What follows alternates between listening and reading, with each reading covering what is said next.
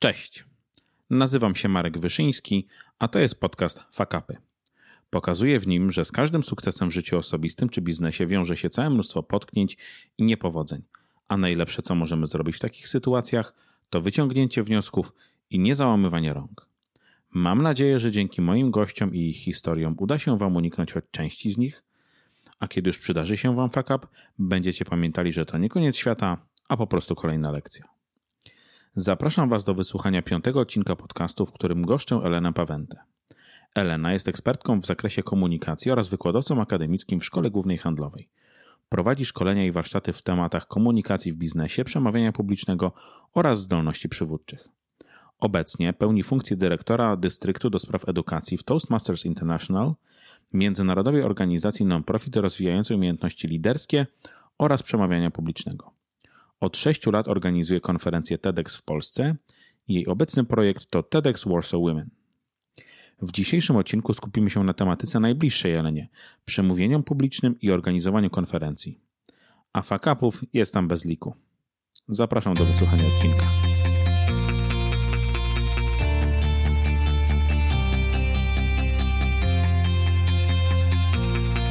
Cześć Elena. Cześć. Jak się masz w dniu dzisiejszym, w ten piękny, pochmurny, piątkowy poranek? Bardzo dobrze, bardzo dobrze. Ciężki dzień się dzisiaj zapowiada, czy nie? Tak, mam sporo e, rozmów, spotkań na Zoomie. Okej, okay, no to w takim razie to jest jeszcze jedno, w, w którym trochę zajmie ci czasu. Na samym początku zawsze proszę gości, żeby powiedzieli o sobie troszeczkę, natomiast chciałbym, żebyś tutaj mnie i słuchaczy delikatnie zaskoczyła. Czy możesz nam powiedzieć o sobie coś, czego nie znajdziemy tak łatwo w internecie, albo czego w ogóle nie znajdziemy w internecie, a co mogłoby nam przybliżyć trochę Twoją osobę? Hmm.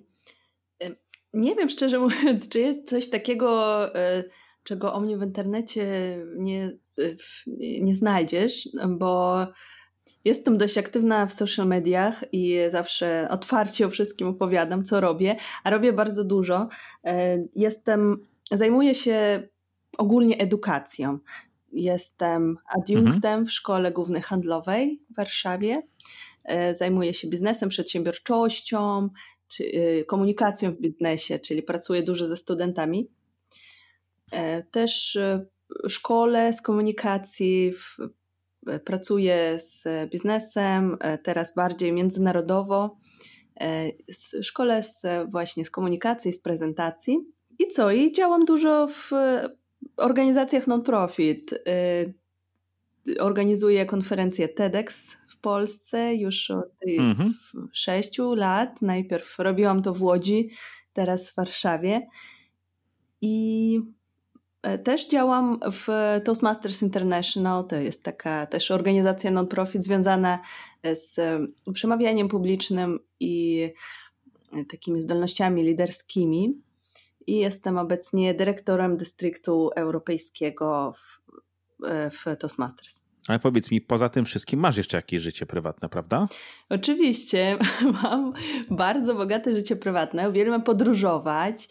Mam e, dwie córeczki i naprawdę mam e, świetne życie prywatne, tylko życiem prywatnym akurat jakoś się nie dzielę w social mediach, bo zawsze prowadzę, zawsze dzielę się bardziej rzeczami profesjonalnymi, ale mhm. uważam, że właśnie życie prywatne powinno być prywatne.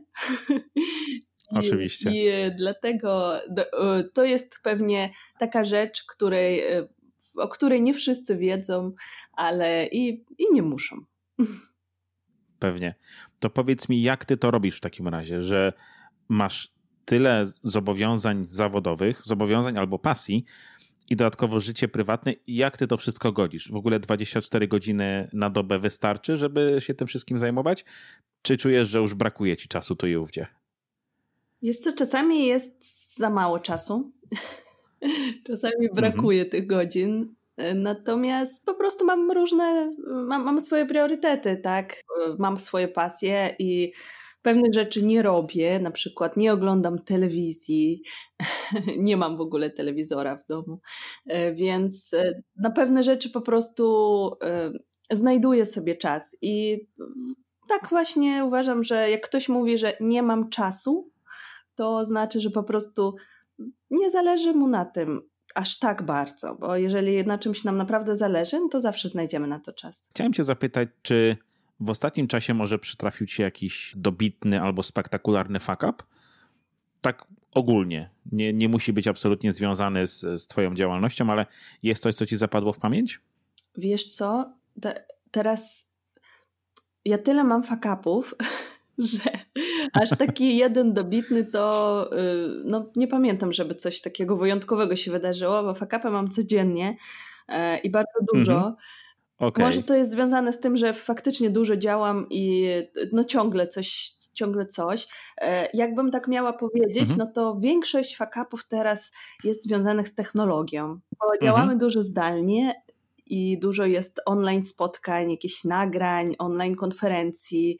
E, organizowałam konferencję taką online międzynarodową, szkole dużo online, prowadzę takie grupy coachingowe online, czyli wszystko tak naprawdę przez ostatnie miesiące, co robiłam, przyniosło się w e, świat wirtualny, więc mhm. strasznie dużo jest E, fakapów związanych z technologią, rzeczy, których po prostu nie mogę kontrolować. Okay. Mikrofony, kamery, jakieś e, e, kosiarki za oknem, o których właśnie rozmawialiśmy przed chwilą. Ja na przykład mam takiego pana sąsiada, który śpiewa w operze. I on Ojej. śpiewa operowy. I jak na przykład nagrywam czasami, no to on zaczyna ćwiczyć. I to wtedy no, ciężko jest w takiej sytuacji nagrywać. Więc e, mówię, mm -hmm. no z technologią e, jest e, ciężko, ale musimy z tym jakoś żyć i musimy być elastyczni. Powiedz mi w ogóle, jak ty byś zdefiniowała fuck up? No to jest takie modne słowo, często używane gdzieś w korporacjach. Czym dla ciebie są te fuck upy? Dla mnie fuck up to jest jak jak coś nam nie wychodzi, jak e, popełniamy jakiś błąd, coś robimy źle, coś nie idzie zgodnie z naszym planem, e, mhm. ale wcale nie uważam, że to jest coś złego. Wydaje mi się, że to jest mhm. po prostu część naszego życia. I jeżeli coś robimy, no, no to tak. te fakapy są. Jeżeli nie mamy żadnych fakapów, jesteśmy idealni, to po prostu oznacza, że nic nie robimy. No w sumie tak. Nie myli się tylko ten, kto nic nie robi, prawda? Dokładnie. Dobra, wiesz co? Chciałem cię teraz zapytać o... Tak jak mówiłaś, robisz całą masę rzeczy. Jesteś e, edukatorem, działasz i na uczelni, działasz prywatnie, e, występujesz publicznie, uczysz tego występowania publicznie organizujesz TEDxy, tak? Najpierw mówię, że to była Łódź, teraz to jest Warszawa. E, powiedz mi, a jeszcze do tego Toastmasters. Powiedz mi, jak do tego wszystkiego w ogóle doszło? Jak to się stało, że e, pojawiła się u ciebie ta pasja do publicznego występowania, która przerodziła się, no, chyba w tym momencie można powiedzieć, sposób na życie, prawda? Tak, tak. E, nie wiem, jak do tego doszło. Jakoś krok po kroku ja zaczęłam swoją karierę zawodową już, e, e, nie, nie wiem, może ponad 15 lat temu. To było jeszcze w Petersburgu, ponieważ pochodzę z, z Petersburga, z Rosji. Jeszcze przedtem, jak przeprowadziłam się do Polski, rozpoczęłam mhm. pracę w firmie rodzinnej i miałam dużo jakby do czynienia e, już podczas moich lat studenckich E, do czynienia z biznesem. Pracowałam w różnych działach, bardziej tak pomagałam, wspierałam, więc nauczyłam się trochę marketingu, trochę HR, tro czyli różnych takich działek biznesowych. A e, mhm. kiedy przeprowadziłam się do Polski, to również tutaj mieliśmy biznes rodzinny w, w Łodzi. Później, kiedy w którymś momencie postanowiłam zmienić tą swoją ścieżkę kariery bardziej na edukację, że y, i rozpoczęłam mhm. wtedy studia doktoranckie, e, zaczęłam aktywnie działać w Toastmasters, e, zaczęłam organizować konferencje TEDx i jakoś to wszystko się wydarzyło po kolei i mhm. w, szkoliłam tych mówców, e, TEDx, przygotowywałam do wystąpień, pracowałam ze studentami i to się wydarzyło jakoś naturalnie, mhm. że ludzie zaczęli się do mnie zwracać z prowadziłam różne warsztaty, prowadziłam takie sesje indywidualne też, taki coaching z osobami z biznesu, przygotowywałam do jakichś mhm. ważnych wystąpień, no bo jednak każde ważne wystąpienie w biznesie kojarzy się też z przemówieniem TEDx, więc do mnie przychodzą i mówią, ja no chcę tak. mówić jak na TEDxie przed swoją firmą. No i e, wtedy pracujemy nad tym, żeby ta, ta prezentacja e, biznesowa była naprawdę taka ciekawa, kolorowa, E, a nie taka, no jak czasami, szczególnie w online teraz te prezentacje czasami potrafią mhm. trochę nawet przynudzać na tych spotkaniach online, ale tak nie powinno być. Nie powinno tak być i pracujemy właśnie nad tym. No i tak mówię, naturalnie tak się stało. Później um, zrobiłam certyfikację w, trenerską w firmie Dale Carnegie Training i mhm. też szkoliłam i wciąż też e, szkole dla firmy Dale Carnegie. Oni mają swoje też programy, swoją e, niesamowitą metodologię, którą uwielbiam i, mhm. i e, bardzo lubię. Też w tym tygodniu właśnie szkole dla Dale Carnegie w Arabii Saudyjskiej. Okej, okay, no to, to ciekawe wyzwanie. tak, bo to jest firma międzynarodowa. Ja już dla nich już szkoliłam na żywo przed pandemią. E, teraz... E, byłem uczestnikiem szkolenia, które prowadziłaś, także mam same dobre wspomnienia. A no tak, właśnie, właśnie. Szkolenie w Łodzi nasze, e, tak, było super. No, i mówię, tak jakoś wyszło naturalnie, Marek. Nie wiem, nie wiem, nie, nie mhm. było to taka decyzja z mojej strony, że ja będę, będę szkolić i, i będę uczyć po prostu jakoś tak z mojego doświadczenia w biznesie i, i z mojej takiej ścieżki życiowej wyszło, że teraz jestem, gdzie jestem. No i jestem z tego bardzo zadowolona. Mhm. Rozumiem. Powiedz mi, co ci się tak najbardziej podoba w tych wystąpieniach publicznych? No bo rozumiem, że gdyby cię to nie kręciło, no to nie byłabyś w tym aż tak dobra i no nie byłby to twój sposób na życie co sprawia, że, że to cały czas wywołuje u ciebie jakąś ekscytację, że chcesz to robić, chcesz uczyć innych, jak to, jak to robić dobrze? Wiesz co, y, myślę, że wystąpienia publiczne i o komunikacja ogólnie to y, nie jest tylko, to nie są takie tylko rzeczy techniczne, że na przykład, o, teraz nauczę się, jak muszę trzymać ręce, albo gdzie mam patrzeć i jestem perfekt. Mm, mhm. Wydaje mi się, że to jest e, związane z tym, że podczas takich, e, takiego mm, takiej pracy, szczególnie pracy indywidualnej, tak? bo podczas takich większych szkoleń nawet e, nie da się aż tak bardzo tego wydobyć. Podczas takiej pracy mhm. indywidualnej z klientem można wydobyć, kim ta osoba tak naprawdę jest i pokazać mhm. to. Bo w tym właśnie jest problem, że kiedy mówimy do ludzi, to zawsze staramy się udawać, że jesteśmy kim, że jesteśmy poważni, albo że jesteśmy mili, albo coś. I wydaje mhm. nam się, że mamy pewien taki obraz siebie w swojej głowie. Ale prawda jest taka, żeby po prostu pokazać, kim my tak naprawdę jesteśmy i być, być sobą i czuć się z tym dobrze. I wydaje mi się, że kiedy mhm. ludzie osiągają właśnie ten poziom, to no naprawdę są. E, e, to jest zupełnie inny człowiek, zupełnie inna osoba. I jak ja widzę takie transformacje, bo też czasami przychodzę na prezentacje właśnie moich klientów, kiedy przygotowujemy się do jakiejś ważnej prezentacji i zapraszają mnie później na taką konferencję. I ja widzę faktycznie ten taki efekt ostateczny, i to mnie sprawia po prostu takie szczęście, zadowolenie, że no, uwielbiam to, co robię i tak jak mówisz, że to jest, mhm. to jest moja pasja. Mhm. A powiedz mi, czy ty też czułaś, że ciebie to w jakiś sposób otworzyło albo zmieniło, czy pozwoliło, tak jak powiedziałaś, pokazać, jaka jesteś naprawdę? Sam, sam fakt występowania publicznie?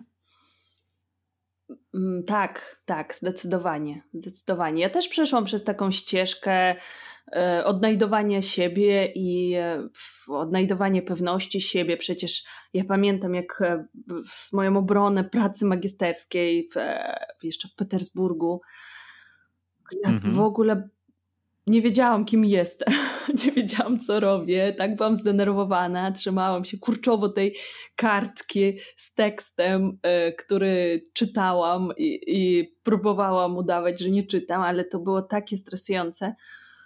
Y, mhm. I ja, te, to co się dzieje teraz, tak, kiedy potrafię mówić, e, występować, przemawiam na dużych konferencjach, no to naprawdę przeszłam przez e, taką transformację i myślę, że jest, jeszcze jestem wciąż na tej drodze, no bo nigdy nie ma limitów takiego, że już jestem idealnym mówcą i, i nic więcej nie potrzebuję. Zawsze nad czymś musimy pracować. Zdarzają się fakapy w trakcie wystąpień publicznych? Czy tobie, czy ludziom, z którymi współpracujesz? Czy to jest zawsze tak idealnie zrobione, dopięte na ostatni guzik, że nigdy nie ma żadnych potknięć i wszystko jest zawsze super? Bardzo dużo. Bardzo dużo fakapów się zdarza podczas przemawiania. Oczywiście, że tak. E, bardzo dużo jest związanych e, z technologią, e, z tym, że mhm. mikrofon nie zadziała, kamera nie zadziała, coś. Natomiast, no tak, i w online też, i na żywo, no bo na żywo nie, Dużo osób myśli, że przyjdzie i od razu zacznie mówić, natomiast tak nie jest. Musimy przyjść godzinę wcześniej, przygotować komputer, wyświetlacz, prezentację, sprawdzić, czy mikrofon działa i mhm. tak dalej. W ogóle sprawdzić e, salę, tak, gdzie będziemy mówić. To wszystko jest bardzo ważne. Natomiast e, też dużo jest związanych z brakiem przygotowania. Dużo fakapów -hmm. jest związanych z brakiem przygotowania. I no właśnie, jakie y, jakie najczęściej, jakby z Twoich obserwacji albo doświadczeń, jakie najczęściej zdarzają się fakapy, jeśli idzie o, o wystąpienie publiczne, czy jakąś prezentację, czy, e, no, czy nawet coś, coś wielkiego, tak? Występowanie przed kilkoma tysiącami osób. Jak, jak myślisz? Wiesz co, y, różnie. To zależy od y, osoby i od stylu osobistego. Ktoś mhm. zaczyna mówić bardzo szybko, ktoś zaczyna mówić bardzo wolno ja bym nawet, wiesz co, ja bym, e, dlaczego teraz tak myślę, bo e, ja bym nie nazwała mhm. tego fuck, upem. Ja bym nazwała to po prostu mhm. takim stylem osobistym w prezentacji, okay. bo e, zawsze mówię właśnie, kiedy pracuję z, z ludźmi, zawsze mówimy o tym, że nie ma czegoś takiego jak e, no, zła prezentacja albo zły styl przemawiania. Po prostu musimy sobie wyznaczyć jakiś obszar do poprawy i nad tym pracować. Więc mhm. nawet jeżeli ktoś mówi za szybko, za wolno, mm, ktoś, e, nie wiem, musi posługiwać się kartką, bo musi tam jakieś cytaty sobie albo jakieś rzeczy wypisać, to jest wszystko ok. Czyli najważniejsze jest to, żeby nie, nie traktować tego jako faktycznie taki fuck up, o nie, zapomniałem zdania i teraz w ogóle moja prezentacja jest do niczego. Tak nie jest, mhm. bo prawda jest taka, że nasza publiczność nie wie, co zaplanowaliśmy. Więc nawet jeżeli coś zapomnimy, nawet jeżeli mhm. zaczniemy mówić za szybko, za wolno, zaczniemy używać jakiejś tam gestykulacji nieprzygotowanej, nieprzygotowanej, to to nic, bo ludzie o tym nie wiedzą, co było przygotowane, więc oni wiedzą tylko ten efekt ostateczny. Także nie uważam, że to mhm. są, że to jest faka. Natomiast taki faktycznie taki mocny fuck mi się przypomniał z mojej kariery o. mówcy. Ja już, wiesz, ja nie przemawiam teraz już tak e, E, nie biorę udziału na przykład w konkursach e, przemówień. Mówię tylko, jeżeli. No to, to byłoby nie fair, wszystkie byś wygrywała, prawda? E, wiesz co, nie wiem, bo żeby, żeby wygrać w konkursie, to trzeba naprawdę sporo czasu spędzić na przygotowaniach, naprawdę, bo jak, kiedy tym się zajmowałam i brałam udział w konkursach, tam przechodziłam na kolejne etapy. To właśnie są takie konkursy mhm. organizowane przez e, Toastmasters International, gdzie e, najpierw na poziomie klubowym, później coraz wyżej e, idziemy po tej e, wygrywamy konkursy i później jest poziom międzynarodowy i jest mistrz świata w przemawianiu publicznym. No tak. Co roku jest inny i taki mistrz świata, on przygotowuje taką swoją mowę zwycięską przez parę lat i on ją ćwiczy, cały czas dostaje feedback. E, naprawdę to jest ba bardzo dużo pracy, więc ja nie, nie uważam, że będę mogła wygospodarować ten czas, że taki mam priorytet. Natomiast gdybym porzuciła wszystkie pozostałe rzeczy i tylko bym chciała to zrobić, możliwe, że e, miałabym szansę. E, no i kiedyś, słuchaj, brałam udział w takim konkursie. Wygrałam na poziomie klubowym.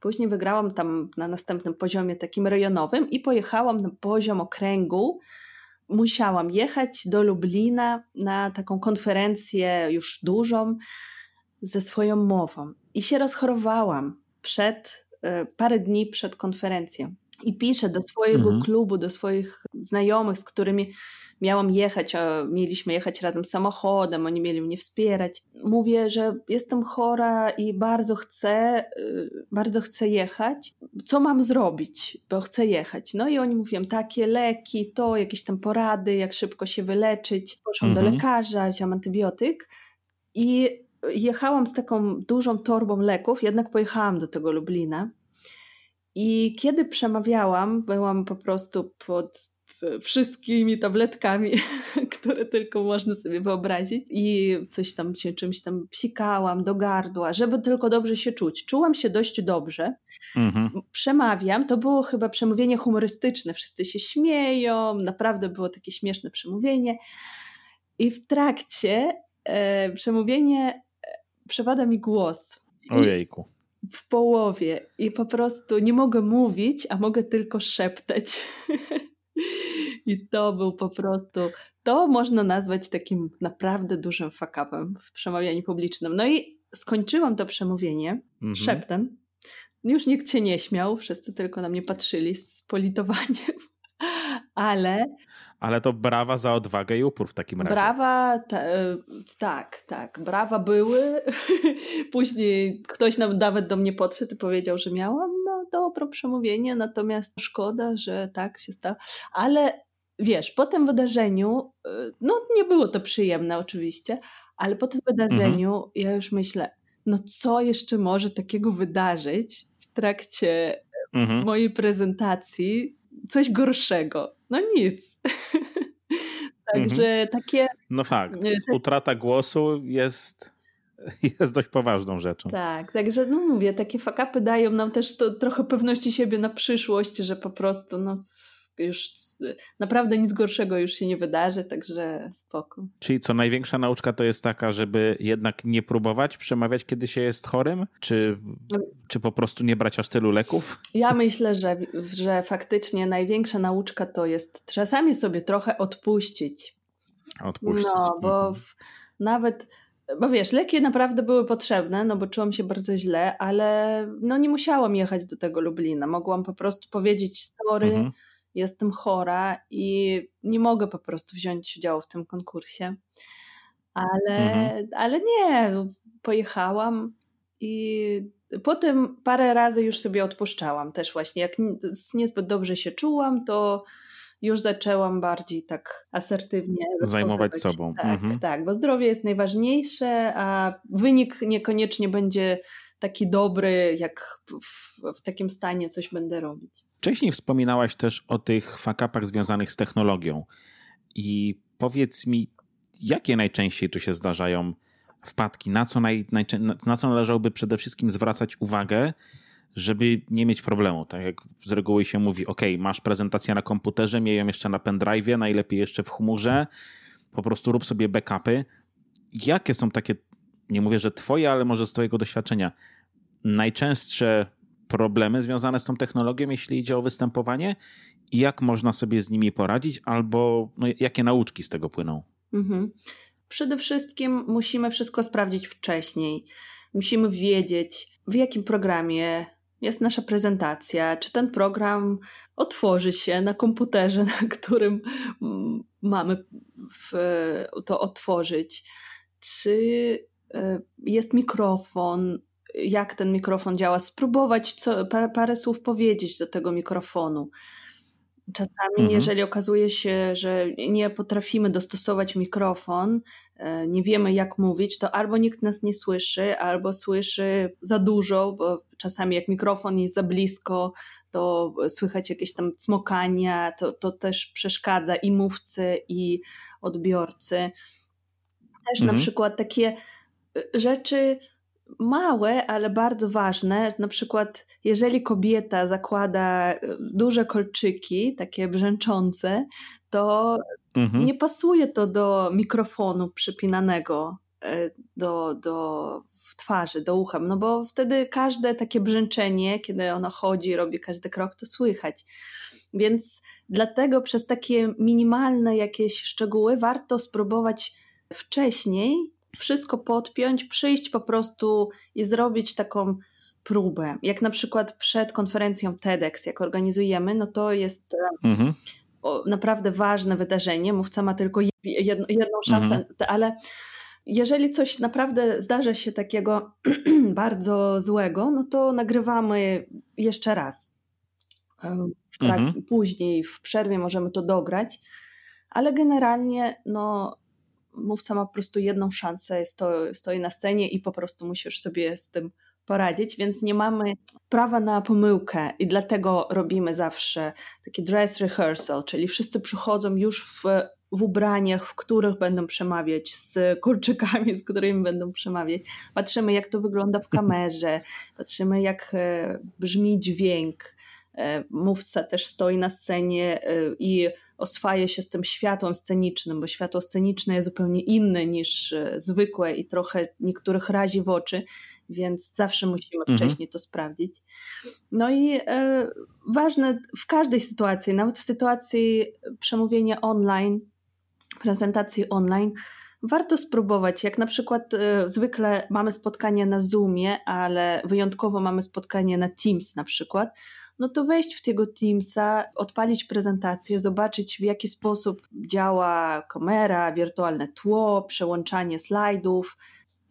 5-10 minut posiedzieć z tym oprogramowaniem, żeby czuć się z tym komfortowo, bo to nam dodaje po prostu dodatkowego stresu, później, już w dniu wydarzenia. Wiesz co, przypomniała mi się taka sytuacja, jak wspomniałaś o tych kolczykach, że byłem kiedyś na konferencji, Aha gdzie występujący miał taki mikrofon z mikroportem przyklejany do, do polika, taki, który się tam tak, tak. zakłada na szyję i tak dalej. Miał strasznie wysoki kołnierzyk w koszuli i ten mikrofon mu się bez przerwy ocierał o ten kołnierzyk. I to wszystko było słychać.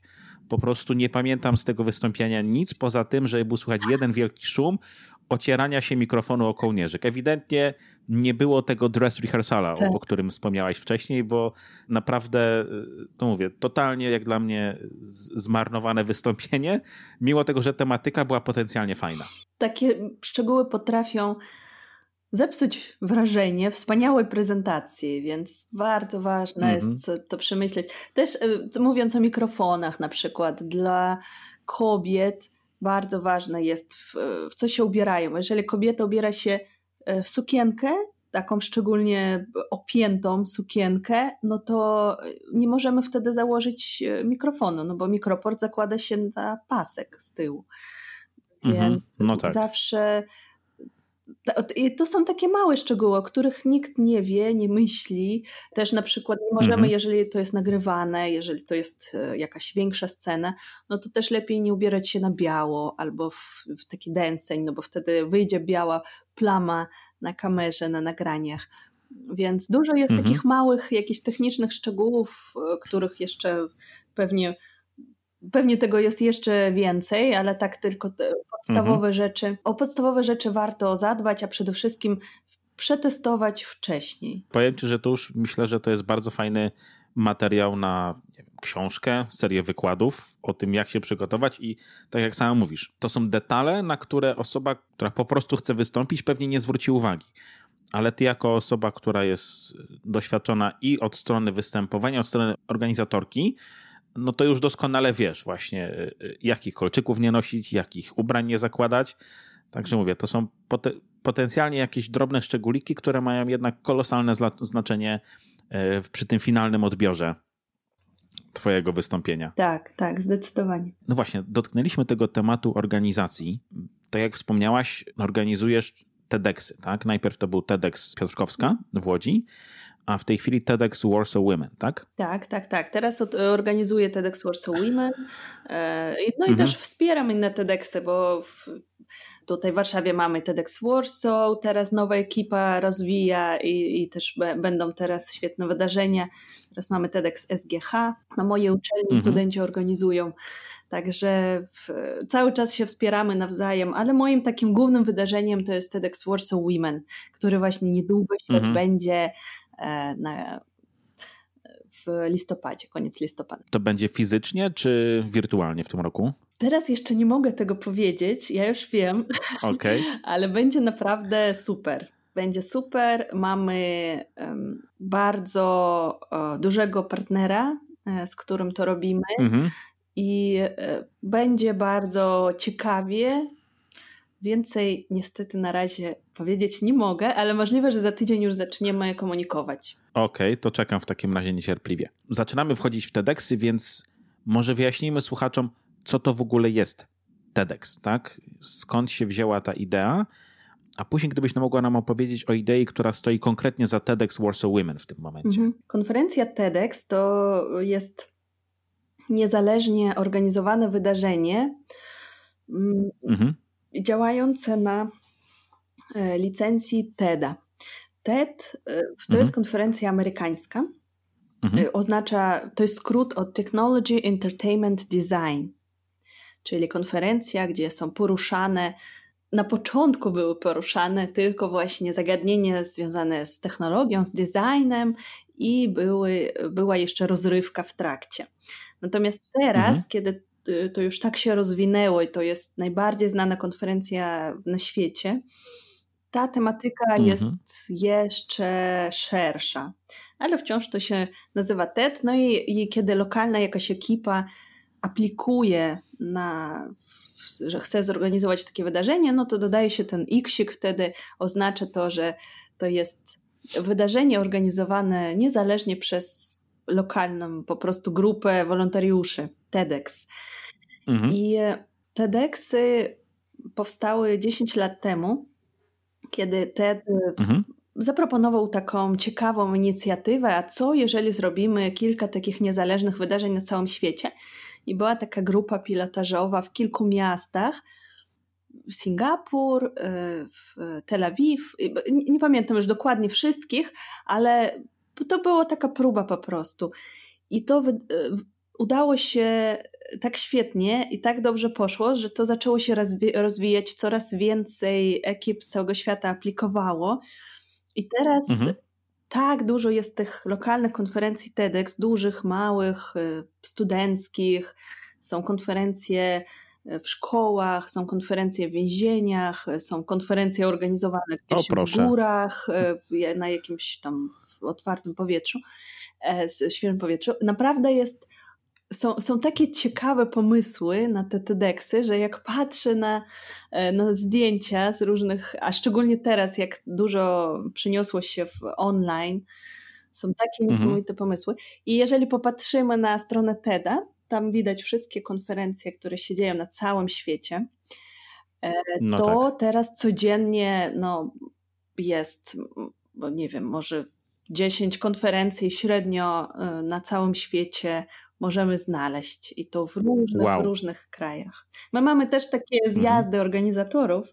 Ja byłam parę razy na, takim, na, na takiej konferencji organizatorów e, TEDx, gdzie my się spotykamy w Nowym Jorku i rozmawiamy o tych naszych wydarzeniach. To jest nie, niesamowite w ogóle towarzystwo ludzi, którzy organizują coś takiego. No brzmi to, powiem ci, super ciekawie, bo tylu pasjonatów w jednym tak. miejscu, no podejrzewam, że to miejsce aż kipi od pomysłów, potencjalnych biznesów, inspiracji to może sami organizatorzy też powinni sobie takiego TEDxa zorganizować w takim razie. No dokładnie. Właśnie my, jak robimy te takie zjazdy, to jest niesamowita energia, dużo pomysłów, Świetnie. No niestety w tym roku się nie udało, bo już miałam bilet na kwiecień mm-hmm. do Nowego Jorku, no ale wiesz, co się działo w kwietniu w Nowym Jorku.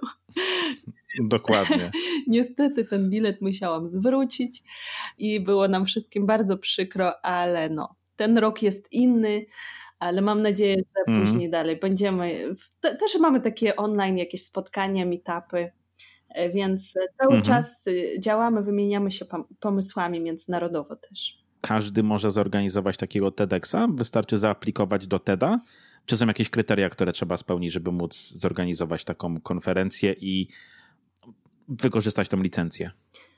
E, każdy. Każdy może, każdy może zaaplikować. Oczywiście, że są pewne kryteria, trzeba działać zgodnie mhm. z e, zasadami, bo mhm. niektórzy mają różne powody do, do organizacji tego, ktoś chce wypromować siebie, ktoś chce wypromować swoją firmę. Natomiast jeżeli ktoś faktycznie rozumie, czym jest ta idea E, TEDx, czyli idee warte rozpowszechnienia. Zupełnie mhm. nie, nie szukamy żadnej promocji, nie zapraszamy profesjonalnych mówców. To też nie jest wydarzenie, gdzie przemawiają profesjonalni mówcy. Zapraszamy ludzi, którzy po prostu mają niesamowite idee i no nie mogą, nie mają jakiejś swojej publiczności, żeby tym się podzielić. Ktoś siedzi na przykład i robi jakieś ciekawe badanie w laboratorium i nikt o tym nie wie, mhm. no my wtedy taką osobę zapraszamy, szkolimy przez kilka miesięcy i wtedy ta idea pięknie opakowana e, jest na naszej scenie. Pamiętam a propos tych badań, to jeden z najpopularniejszych TEDów chyba w ogóle jest taki, gdzie na scenie pojawia się w którymś momencie ludzki mózg. Chyba opracowany przez panią profesor, która sama miała, doznała udaru i zaczęła dzięki temu jeszcze mocniej badać mózg i w którymś momencie autentycznie pokazuje taki mózg na scenie w trakcie TEDa, tak? tak? I chyba go nawet kroi. Także no pamiętam, że to na mnie zrobiło ogromne wrażenie, mimo tego, że oglądałem to oczywiście online. To jest świetna prezentacja, bardzo dobrze ją znam i często używam też podczas moich zajęć i szkoleń e, tą prezentację, kiedy mówimy o takim efektownym rozpoczęciu e, przemówienia bo to jest bardzo mhm. ważne, żeby wejść z takim przytupem i coś zrobić niezwykłego na początku, i to jest po prostu idealny przykład y, z tym mózgiem, żeby tak przyciągnąć uwagę na początku, że wszyscy już zapamiętają tą mowę. Dokładnie. To pomówmy w takim razie o TEDx Warsaw Women. Skąd w ogóle idea? Bo rozumiem, że to jest mm, TEDx ukierunkowany na kobiety, tak? Y, występują tam kobiety. Na w publiczności też są głównie bądź tylko kobiety, więc skąd idea, żeby zorganizować właśnie tego typu konferencje? Wiesz co, Marek, nie tylko kobiety. To jest właśnie taki błąd, okay. który szczególnie mężczyźni bardzo często, jak z nimi rozmawiam, mówią: O nie, to dla mojej żony, to nie dla mnie. Mhm. Natomiast nie, to jest konferencja dla wszystkich, dla mężczyzn i dla kobiet. I też wśród, e, w naszym zespole mamy też jedną płeć i, i drugą. I tak samo mhm. na scenie też mamy mówców, mamy mówczynie. Więc mhm. tak, oczywiście tych kobiet jest więcej. Natomiast bardzo dużo jest też idei związanych z kobietami, idei ważnych dla kobiet, e, mhm które, idee, które przedstawiają mężczyźni. Więc to jest taka okay. publiczność mieszana i właśnie naszym celem jest przedstawić pewne idee związane z kobietami, idee, które są ważne dla kobiet, natomiast może które nie są aż tak często poruszane w naszej społeczności, w, w lokalnej -hmm. społeczności, no bo TEDx zawsze jest robiony, organizowany dla lokalnej społeczności, czyli dla Polski, Warszawy w naszym przypadku. I chociaż też mamy przemówienie niektóre po angielsku, w języku angielskim i mamy też obcokrajowców, e, którzy mówią na scenie, ale niektóre idee są po prostu uniwersalne, więc warto się podzielić mhm. z nimi z, z całym światem. A mogłabyś podać przykład albo kilka przykładów właśnie takich idei, które konkretnie wybrzmiewają na mm, TEDx Warsaw Women? No na przykład w zeszłym roku y, było przemówienie Ani Pięty o, o tym, żeby nie kupować ubrań, dlatego że ta branża modowa teraz y, cały czas po prostu popycha nam ku temu, żeby kupować dużo ubrań, których nie potrzebujemy, gromadzimy to w, w szafach, to jest wyrzucane. Ona po prostu mhm. przedstawiła, jak wygląda ten przemysł od, od podszewki i dużo osób po prostu podjęło decyzję i powiedziało tak, po, tym, po, tym, po tej prezentacji już nie kupuję. I to jest właśnie ten cel, który, który chcemy osiągnąć naszym wydarzeniem. Po to organizujemy takiego rodzaju wydarzenia, żeby ludzie podjęli jakąś decyzję, tak, żeby, żeby w mhm. dobrym kierunku to e, jakoś wszystko się ruszało. Natomiast nie wszyscy zawsze się zgadzają z tymi ideami, dlatego idee są bardzo różne z różnych obszarów. Niektóre idee są takie bardzo też kontrowersyjne, które ludzie nie wszyscy się zgadzają e, z tym, ale każdy znajduje coś dla siebie. Na przykład też, też z takich przykładów pamiętam, jak e, organizowałam jeszcze konferencję w Łodzi, to u nas na konferencji przemawiała Sylwia Kurzela o, o tym, że żeby adoptować pieski ze schroniska. Mhm.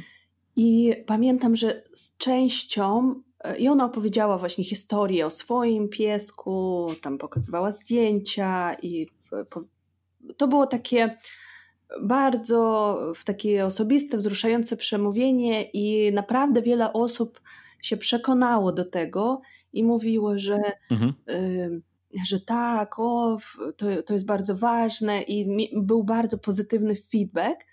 Natomiast parę osób powiedziało, te, pie, pod te pieski, bo ktoś tam chciał jakiejś takiej ogólnej inspiracji do działania, czyli e, ta idea nie była taka. Nie trafiła. Nie, nie trafiła do, do w tym przypadku. Osób. Mhm.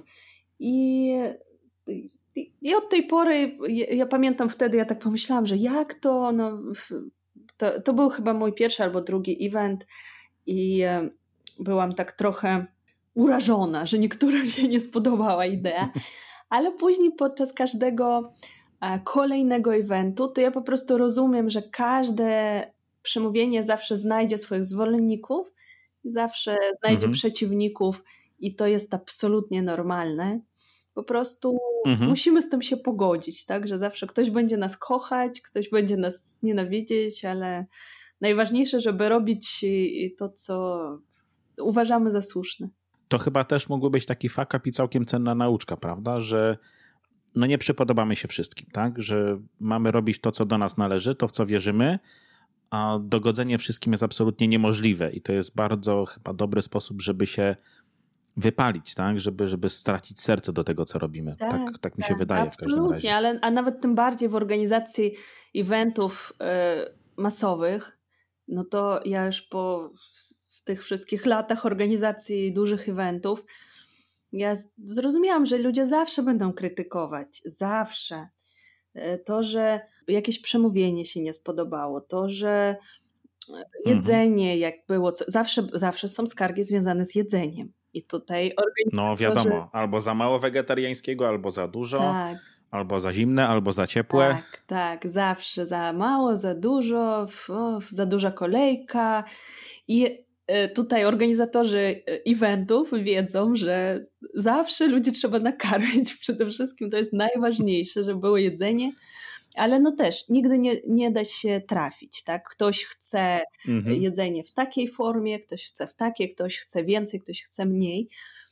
I, I to jest normalne, tak? Jak jest bardzo duża publiczność, powiedzmy, no, na naszej konferencji ostatniej było 500 osób, no to mhm to jest normalne, że kilkadziesiąt osób y, będzie z czegoś niezadowolonych. A mhm. natomiast y, kilkadziesiąt osób będzie po prostu w niebo wziętych i będzie mówiło, że to jest najlepsze, co się wydarzyło w moim życiu, ale mhm. prawda jest taka, że my celujemy w, y, w tą jakby w tą główną publiczność, tak, te, te 80% powiedzmy, że jak Procent, mamy, nie tak. wiem, 10%, 10% przeciwko nam, 10% nas kochają, to te 80% są bardzo ważne. Tak, to ich trzeba przekonać, tak? Bo są tacy, którzy już są przekonani, są tacy, którzy przyjdą ponarzekać, bo tak po prostu mają, a te 80% to jest to, to jest ta grupa, o których może, może to zabrzmi, wiesz, zbyt dziwnie, ale nie wiem, serca i dusze jakby walczycie w trakcie tej konferencji, prawda? Tak, tak.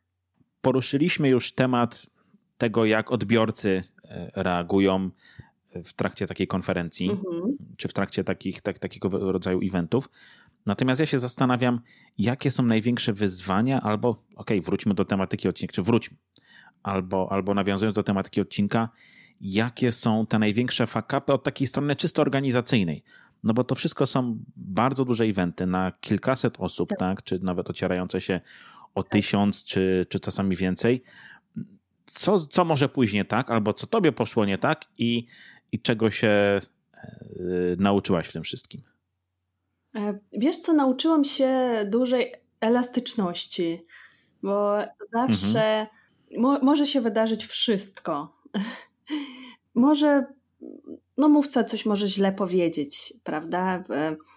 W, takim razie jesteśmy przygotowani, żeby to nagrać jeszcze raz. I zdarza się to, że ktoś popełni błąd po prostu w trakcie przemówienia, ale wtedy nagrywamy to jeszcze raz. Zdarza się, mhm. że mikrofon na przykład nie zadziała, że mhm. muzyka się nie włączy. Kiedy e, organizowaliśmy TEDx Piotrkowska Street w Tatrze Jaraczan. E, jeden raz zdarzyło się tak, że jedna z naszych mówczyń, Beata Jałocha, jak e, była na scenie, zaczęła mówić, okazało się, że mikrofon jej nie działa. I ona, e, mhm. i my no nie wiemy co robić, tak, bo już nagranie trwa, jest transmisja na żywo, są światła, jest ponad 300 osób na sali. I po prostu to były kwestie sekund. Y, musieliśmy zareagować. Mhm. Jedna z, z dziewczyn, która właśnie była przy scenie, chwyciła jakiś mikrofon taki do ręki, no bo Beata miała przypięty mhm. mikrofon, wybiegła, dała jej ten mikrofon. I ona po prostu już kontynuowała z tym drugim mikrofonem, z jednym przypiętym, a z drugim e, w ręku. Później w przerwie musieliśmy nagrać jeszcze raz ten wstęp, e, żeby to mhm. wyglądało jakoś tak z dźwiękiem, jest z wideo. Więc bardzo mhm. dużo jest takich sytuacji, a ludzie tego nie zauważają, tak? To są takie mini jakieś rzeczy, albo na przykład to, że muzyka nie, nie zadziała.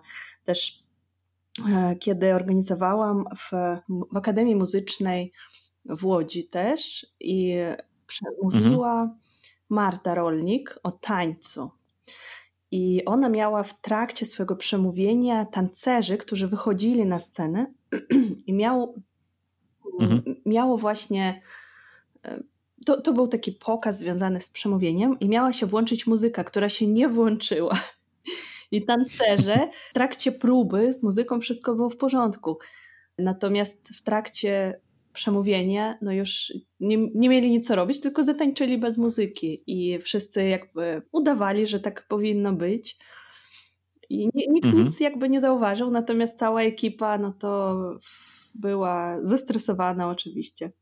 Więc mhm. sporo, jest, sporo jest takich rzeczy, które się wydarzają w trakcie, w trakcie, przed wydarzeniem też no, dużo jest takich na ostatnią chwilę rzeczy, jak na przykład sponsor się wycofa, tak? To jest dla nas zawsze bardzo przykre, jeżeli dowiadujemy się, że jednak nie mamy jakiegoś partnera, musimy na szybko kombinować, zmieniać plany, e, że mówca się wycofa, tak? Czasami już mamy wydrukowaną agendę, już mamy ogłoszenia porobione, a mówca w ostatniej chwili mówi, że jednak nie. Więc e, mhm. takie rzeczy się zdarzają i organizacja takich eventów masowych nauczyła mnie po prostu dużej elastyczności, takiego luźnego podejścia, że no w każdej chwili może wszystko się wydarzyć, trzeba po prostu na luzie kontynuować mhm. dalej. Zresztą mówiłaś też, powiedzmy na początku odcinka, że publiczność bardzo często nie wie, jak to wszystko powinno wyglądać, prawda? Tak oni przyjmują to, co wy im pokazujecie i to wy wiecie, że coś idzie nie tak, że to nie jest idealnie. Oczywiście. Bo to, to nie jest tak, że to wszystko idzie źle, to po prostu nie jest idealne, tak? A to jest, to jest też duża różnica. Ale oni tego nie wiedzą. Oni nie wiedzieli, że tam miała być muzyka przy tym tańcu. Tak. Oni po prostu widzieli tancerzy, którzy tańczyli. To mogło, nawet, mogło robić nawet jeszcze większe wrażenie, bo tej muzyki nie było a oni się potrafili poruszać w skoordynowany sposób, robili e, e, jakiś pokaz czy, czy, czy, czy tło do, te, do tego przemówienia, więc, a publiczność to po prostu przyjmowała i to jest chyba też taka, mam wrażenie, duża nauczka, że tak jak mówisz, być elastycznym i, i takie iść z tym, z, z, tym, co się dzieje, tak? Nie zrzymać się to, że, że nie jest wszystko dokładnie na tip-top. Tak, tak. To jest naprawdę świetna nauczka, że nie musimy być perfekcyjni, po prostu trzeba działać, iść do przodu. Wiem też, że oprócz no, zajmowania się tymi e, przemówieniami, taką pracą jeden na jeden czy TEDxami, działasz też, tak jak mówiłaś na początku, dużo bardziej online, tak? Zarówno jeśli idzie o działalność szkoleniową, ale też od niedawna mm, sama podcastujesz, prawda? Tak, tak. To, był jeden, to jest jeden z moich projektów. Mój podcast e, to jest jeden z moich projektów e, tych pandemicznych, bo jestem mhm. jedną z takich osób, e, którzy w trakcie pandemii po prostu byli mega kreatywni i roz... ja naprawdę, no tyle nowych projektów się zaczęło w trakcie tej pandemii. I zaczęłam właśnie swój taki bardziej powiedzmy aktywnie zaczęłam promować swój online biznes, bo wszystko co robiłam mhm. offline przyniosłam online. Teraz mam też więcej mhm. możliwości pracować y, z ludźmi międzynarodowo, z czego strasznie się cieszę. Y, I, no i rozpoczęłam swój podcast, który nazywa się Ideas and Leaders, jest w języku angielskim. Mam gości z mhm. całego świata. I głównie to są e, liderzy biznesu, to są przedsiębiorcy, e, są to też e, trenerzy i mówcy. I rozmawiamy o komunikacji, o komunikacji w biznesie, o, też o komunikacji takiej przywódczej, czyli dużo mówimy o leadershipie, o, o przywództwie, o zarządzaniu zespołem, o zarządzaniu zespołem też w takich czasach online, w jaki sposób mhm. tutaj motywować i, i, inspirować ludzi, kiedy nie mamy nawet możliwości spotkania się na żywo. Więc e, naprawdę bardzo mam, bardzo ciekawy content jest e, i, i otrzymuję dobre feedbacki, ale oczywiście też są fakapy związane z technologią, więc cały czas się uczę, jakie mikrofony, mhm. jak nagranie, jak e, montować te podcasty i tak dalej. No i też e, prowadzę też w online takie grupy coachingowe. To nie są to szkolenia, e, bo jednak w takiej formule nie da się zrobić takiego szkolenia typowego, natomiast takie mastermindy, mhm. takie grupy coachingowe, gdzie ja o. pracuję głównie z kobietami w biznesie i spotykamy mhm. się i rozmawiamy o różnych wyzwaniach związanych z komunikacją, właśnie szczególnie dla kobiet i e, dajemy sobie feedback. Naprawdę wyniki są świetne, bo wcześniej jakoś ten online cały czas się był odbierany, że to jest coś dodatkowego, to jest coś takiego, że wszyscy woleli wszystko robić na żywo. Natomiast teraz okazuje mhm. się, że w online da się też no, naprawdę osiągnąć niesamowity wynik tylko e, działając, pracując z ludźmi online. Więc też znam bardzo dużo osób, którzy przenieśli swoje biznesy w online, e, dużo znajomych i naprawdę każdy biznes da się przenieść w, w świat online, tylko. Mhm. No, tylko z tą technologią trzeba dużo rzeczy się nauczyć nowych, więc ciągle uczy się czegoś nowego. No, powiem ci, że ja trochę w momencie, w którym startowałem z podcastem, nie doceniałem tego, ile tu jest elementów, ile tu jest składowych, ile tu rzeczy może potencjalnie później, tak? I ile z tym wszystkim jest roboty, tak? bo to jest montaż, to jest nagranie, to jest promocja tego wszystkiego, to jest wybranie odpowiedniej muzyki, grafika, no, to jest, mówię, ok, nagram, wrzucę. No, a to, to wcale tak nie wygląda, tak? To jest cała masa rzeczy, które po drodze jeszcze trzeba zrobić i tam cały, na każdym etapie coś może pójść e, nie tak. Tak, tak. Tutaj z podcastem zdecydowanie, a jeszcze z biznesem online to też jest tyle różnych takich szczegółów, których ludzie nie widzą. Oprogramowanie, które no dużo, dużo różnych typów o, o, o, programów, o których ja w ogóle wcześniej nie miałam silnego pojęcia. E, jak robić landing page, jak robić e, strony sprzedażowe, w jaki sposób e, robić tam Facebook Ads. Bardzo dużo jest takich mini takich rzeczy, o których wcześniej jakoś w ogóle nie myślimy. To okazuje mhm. się, że żeby zrobić, nie wiem, jeden jakiś webinar, to trzeba do tego parę tygodni się przygotowywać i to mocno używając kilku różnych programów, pracować e, dość długie godziny, żeby to wszystko dobrze wyszło. Także mhm. no, to jest ciekawe wyzwanie, ale takie to są. E, dużo, dużo jest online teraz nowych projektów, więc e, bardzo mhm. się cieszę z tego, że widzę, że teraz bardzo dużo osób przechodzi w online, czuję się coraz bardziej pewnie w online. Bo ja już od dawna mhm. pracowałam w online, tak? Bo to, jak działałam w Toastmasters i prowadziłam takie zespoły międzynarodowe. I, bo my mamy pięć krajów w naszym dystrykcie. I jak mam, mhm. miałam zespół międzynarodowy, no to zawsze mieliśmy te szkolenie online, spotkanie online i te rzeczy, których teraz ludzie dopiero się uczą, czyli używanie tych e, whiteboardów na przykład, wspólne tam rysowanie czegoś, no tak. albo używanie breakout roomów, tak, dzielenie się na pokoje i robienie jakiejś aktywności. To teraz ludzie dopiero to odkrywają, a my to już robiliśmy jakiś czas temu i prowadziliśmy z tego szkolenie, jak to zrobić w bardziej interaktywny sposób.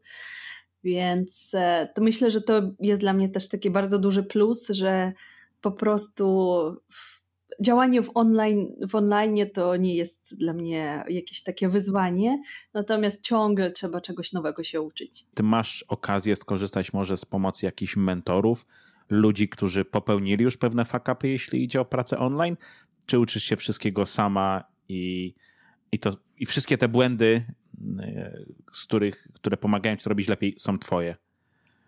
Mm, mam mam e, grupę mentoringową, taką, to znaczy mam te, e, taką biznes mentorkę, z którą pracuję i również mam grupę taką mastermind, e, czyli takie kobiety też, które prowadzą swoje online biznesy i spotykamy mhm. się razem, dajemy sobie różne porady i wspieramy siebie nawzajem. Ja myślę, że to jest bardzo ważne w każdej działalności, nawet, nie wiem, w mhm. działalności podcastowej na przykład też ważne sobie znaleźć takiego mentora od podcastów. Ja mam takiego taką osobę, która on już ma chyba trzy czy cztery swoje podcasty, więc ja po prostu przyszłam okay. do mojego znajomego, powiedziałam: Roy, naucz mnie, jak to robić.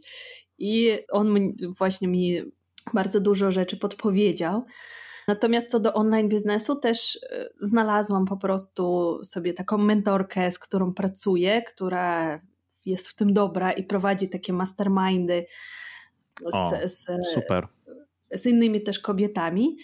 I myślę, że w każdej, w każdej działalności to jest bardzo ważne znaleźć osobę, która pomoże, przynajmniej na początku, bo jeżeli zaczynamy zupełnie od zera, no to ważne jest nawet wiedzieć, jakie programy na przykład się sprawdzają lepiej, które mniej, wiedzieć, e, w co lepiej zainwestować, bo to też każde oprogramowanie kosztuje. Sporo mhm. jest takich szczegółów. E, no i też wsparcie, e, wiesz co, takie wsparcie moralne jest bardzo ważne, bo kiedy jesteśmy, kiedy działamy na żywo, czujemy taką energię ludzi, rozmawiamy z ludźmi, natomiast kiedy działamy online, to jesteśmy sami, tak? Jesteśmy z no tak. I bardzo ważne jest mieć jakieś wsparcie, z kimś, z kim pogadać, po, po powiedzieć o swoich planach, powiedzieć o jakichś swoich zobowiązaniach na, na, na, następny tydzień, po prostu, że ja planuję do następnego tygodnia zrobić to i to. Teraz mam właśnie jedno takie zobowiązanie do dzisiaj do zrobienia dla mojej grupy. I to, to wtedy cię popycha po prostu do przodu, e, kiedy masz taką grupę wsparcia. Też miałem znajomego, który mi pomógł. Pomógł w zasadzie cały czas, pomaga, jeśli idzie o tą działalność podcastową. Gdzie szukać takich ludzi? Czy po prostu faktycznie wejść na LinkedIn, popatrzeć na swoją sieć kontaktów? Czy to zawsze są znajomi? E, jakie są Twoje doświadczenia tutaj, jeśli idzie faktycznie o to, szukanie mentorów i No i ludzi, którzy już sfakapowali, tak? Bo wiadomo, że błędy w biznesie będą zawsze, więc lepiej uczyć się na cudzych niż swoich własnych. Tak. Tak. E, no przynajmniej Jak to wyglądało w Twoim przypadku? Tak, przynajmniej będzie mniej tych błędów, mhm. tak? Dokładnie. Swoje i tak popełnisz, bo Oczywiście. musisz. Oczywiście. Wiesz co, no, ja myślę, że trzeba po prostu popatrzeć na swoją sieć kontaktów i zobaczyć, kto już to robi i kto już to robi dobrze. Co ci się podoba. Moim zdaniem, jak na przykład zobaczyłam, e, że e, ja mam kilka osób takich, którzy robią podcasty, ale wie, wiem, że akurat Roy prowadzi kilka tych podcastów, że robi to bardzo proaktywnie, że robi to bardzo szybko, więc na tym mi zależało. I ja pomyślałam, że tak, chcę tak jak on e, szybko to zrobić. Przyszłam e, do Roya, porozmawialiśmy, powiedział spoko, nie ma problemu, e, już tutaj zrobimy w kilku modułach, już tam po trzech tygodniach będziesz miała podcast. Ja mówię, jak po trzech tygodniach? Przecież ja nic jeszcze nie mam, nie mam mikrofonów, niczego. Mówię spokojnie, krok po kroku i e, po kolei dawał mi informacje w takich jakby w pigułce, co muszę zrobić tylko w tym tygodniu. I faktycznie po kilku tygodniach już miałam gotowy, działający podcast, więc e, mhm. Trzeba po prostu znaleźć taką osobę, która, którą chcesz być, tak? która ci się podoba. Jak na przykład, nie wiem, znajdź czyja strona internetowa ci się podoba, albo czyja działalność ci się podoba, jakieś grafiki i po prostu skontaktuj mhm. się i zapytaj, jak to zrobiłeś. Ja myślę, że to jest, to jest taka moja metoda. Ja też mam dość mhm. szeroką sieć kontaktów, taką międzynarodową, szczególnie w tej no tak. branży, tak. w której działam, czyli szkolenia z komunikacji, no to ja mam bardzo dużo, bardzo, bardzo dużą sieć i uważam, jestem przekonana w 100%, że nie mamy żadnej konkurencji. Tak, to jest taka moja, mhm. moje osobiste takie e, odczucie, że e, ludzie kupują pewne rzeczy albo słuchają pewnych podcastów tylko y, dlatego, że kupują jakby prowadzącego, tak? Czyli mhm, no wydaje tak. mi się, że na przykład Marek, jak ktoś, y, jak ty, twój styl bycia, twój, twoje podejście do sprawy komuś się podoba, no to będzie słuchał twoich podcastów, a jeżeli ktoś inny założy podcast o fakapach, no to niekoniecznie już będzie, kto, ktoś będzie tego słuchał. Więc mhm. uda, wyda, uda, wydaje mi się, że nie mamy konkurencji i możemy spokojnie pytać nawet osoby, które zajmują się tym samym i po prostu prosić o poradę. Słuchaj, ma, ro, zrobiłeś taką świetną stronę internetową, jak to zrobiłeś, jaka jest tu funkcja? I ludzie naprawdę są otwarci, chętnie pomagają, podpowiadają, więc e, warto po prostu zapytać. No to super budujące podejście i, bardzo mi się podoba. Powoli zbliżamy się do końca, e, więc chciałem Cię zapytać jeszcze o dwie rzeczy. Pierwsza to powiedz mi, gdybyś miała dać słuchaczom taką jedną najważniejszą radę, albo powiedzieć taką najważniejszą nauczką, jeśli idzie o, o fakapy e, w ogóle, to co by to było? Moja największa nauczka e, jest taka, że tych fakapów musi być bardzo dużo, im więcej mhm. fakapów, tym więcej sukcesów. Po prostu, jeżeli popełniamy błędy, jeżeli robimy coś źle, nam coś nie wychodzi, to oznacza, że działamy, że idziemy do przodu, bo każdy taki błąd y, czegoś nas uczy i po prostu działamy dalej. Najważniejsze jest, żeby się nie poddawać i, i iść do przodu to na sam koniec chciałbym Cię jeszcze prosić o to, żebyś powiedziała mi, gdzie Cię można znaleźć. Tak jak mówisz, e, ta Twoja obecność w mediach, social mediach, czy na tym takim rynku zawodowym jest dość duża, więc gdybyś mogła mi powiedzieć, gdzie i jak słuchacze mogliby Cię znaleźć po wysłuchaniu odcinka, żeby móc skorzystać z Twoich usług, poprosić Cię o mentoring. Ja zapraszam do kontaktu na moich social mediach, na LinkedInie, na e, Instagramie, na Facebooku, Twitterze. Jestem e, obecna w mediach. No i